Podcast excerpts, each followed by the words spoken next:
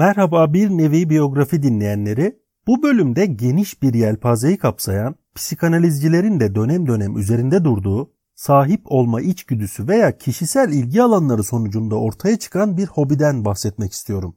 Hobi olmanın yanı sıra ticari amaçlı ifa edenler de var elbette. Ama bunlar görece daha azınlıkta. Evet, konumuz koleksiyonculuk. Radyolar 50'li yılların ortasından sonra transistör teknolojisine dönüşmeye başladı.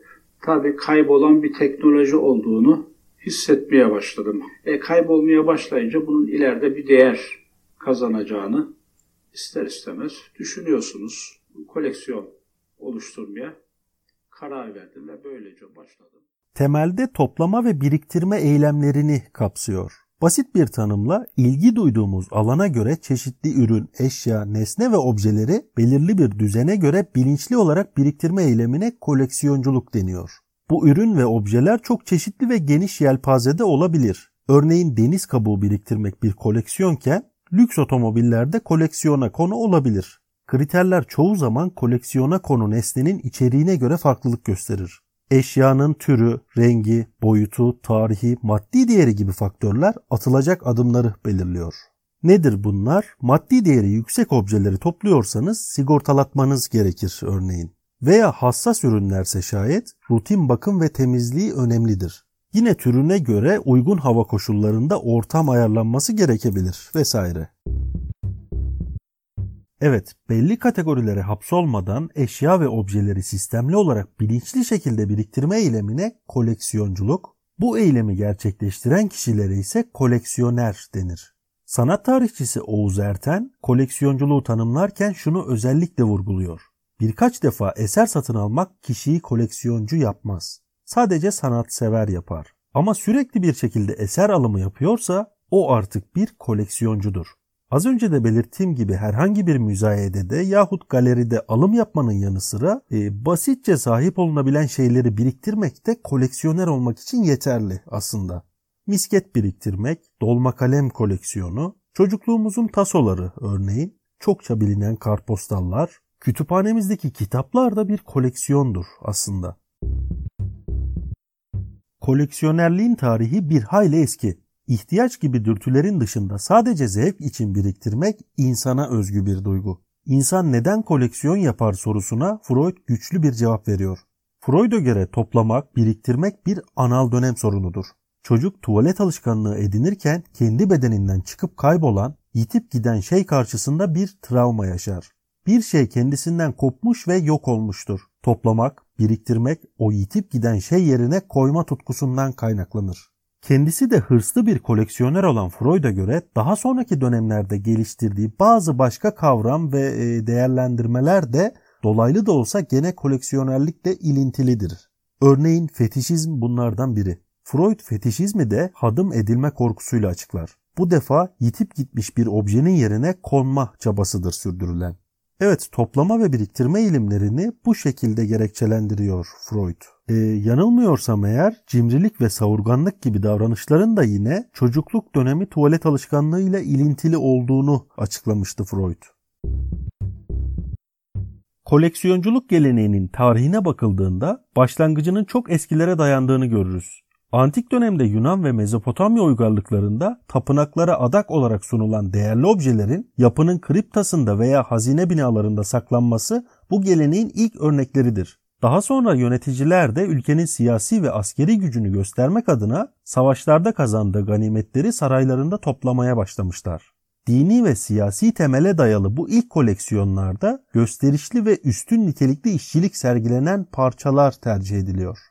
Helenistik dönemde ise tarih bilincinin oluşmaya başlamasıyla birlikte sanat eserlerinden ziyade geçmiş dönemlerin yapıtlarına olan ilgi artıyor. Mısır'daki Ptolemeos Krallığı'nın dünyanın dört bir yanından getirdiği değerli el yazması kitapları İskenderiye Kütüphanesi'nde toplaması bu eğilimin en iyi örneklerinden biridir. Ganimetler aracılığıyla eski eser toplama geleneği Roma İmparatorluğu döneminde de artarak devam ediyor.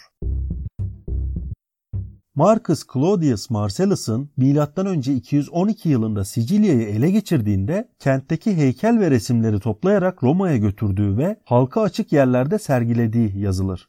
Elde edilen eserler binaların üstü kapalı avlularında, kütüphane girişlerinde ve portre galerilerinde sınıf üstünlüğünün simgesi olarak sergilenir. İmparator Konstantinos yeni başkent Konstantinopolis'i ülkenin pek çok farklı merkezinden getirdiği sanat eserleriyle donatıyor. Onu izleyen Bizans imparatorları da arkeolojik ve antik eserlere duydukları ilgi sebebiyle eser toplamayı sürdürüyorlar. Orta Çağ'da dinsel ve eğitimsel amaçla toplanan yapıtlar da kilise hazinelerinde biriktiriliyor. 12. yüzyılın ikinci yarısında kentlerin büyümesi ve ticaretin gelişimiyle ortaya çıkan burjuva sınıfının zenginleşmesi, koleksiyonculuğun kilise ve saray dışında da yaygınlaşmasını sağlıyor. Evet, kişisel zevklerin artması ve zenginleşmeyle birlikte koleksiyonculuk bireysel alanlara da sirayet ediyor böylelikle. Rönesans'la birlikte klasik metinlere ve eserlere ilginin artması sonucu eski eser toplama merakı da hızla yayılıyor. Avrupa'nın ilk özel sanat koruyucuları arasında yer alan Medici ailesi dönemin en önemli koleksiyonerlerinden biri. Medici dışında İtalya'da Strozzi ve Rugelai gibi pek çok varlıklı aile de zengin koleksiyonlar oluşturmuştur. 16. ve 17. yüzyıllarda orta sınıfın güçlenmeye başlamasıyla birlikte sosyal prestij veya yatırım amacı olmayan sadece kendi beğenisi doğrultusunda eser toplayan koleksiyoncular meydana geldi. Bu durum sanatçıyı bir ölçüde özgürleştirmiş, sanatçı artık ısmarlama iş yapmak yerine bitmiş yapıtını satışa sunma olanağını kazanmıştı. Böylece antik dönem eserlerinin yanı sıra çağdaş çalışmalar da koleksiyonlara girmeye başladı. 18. yüzyıla gelindiğinde ise özel koleksiyon kataloglarının basımı artmış, bu da tescil edilen yapıtların değerinin yükselmesini sağlamıştır. Koleksiyonların kamulaştırılmaya başlamasıyla da müzecilik kavramının temelleri atılıyor. Bu dönemde yabancı ülkelerde bulunan diplomatlarla amatör arkeologların topladığı eserlerin bir bölümü British Museum ve Louvre gibi ünlü müzelerin ilk koleksiyonlarını oluşturmuştur. 19. yüzyılla birlikte koleksiyoncuların ilgisi batıdan doğuya doğru kaymış, Percival David Çin Sanat Vakfı, Brüksel'deki Stokle koleksiyonu, Paris Cernuschi Müzesi ve Gime Müzesi gibi kurumların Doğu sanatı koleksiyonlarının temeli atılmıştır. Bu dönemde ayrıca ünlü koleksiyonerlerin yapıtlarını bağışlaması sonucu Rotterdam Boymans von Beuningen Müzesi, Cambridge Fitzwilliam Müzesi, Washington DC'de yer alan Corcoran Sanat Galerisi ve Boston'daki Gardner Müzesi gibi çeşitli müze ve sanat galerileri kurulmuştur. 20. yüzyılda ise ABD'de Henry Walters, J.P. Morgan, Henry Clay Frick gibi iş adamlarından oluşan önemli bir koleksiyoncu grubu ortaya çıkmıştır. Bu koleksiyonlar zamanla kurumsallaşmış, 1907'de New York'ta Pierpont Morgan Kütüphanesi, 1919'da yine New York'ta Frick koleksiyonu ve 1931'de Baltimore şehrinde Walter Sanat Galerisi oluşturulmuştur. Andrew Mellon, Peggy Guggenheim ve Paul Getty gibi ünlü koleksiyonerlerin eserlerinin toplandığı özel müzeler de bu dönemde kuruldu.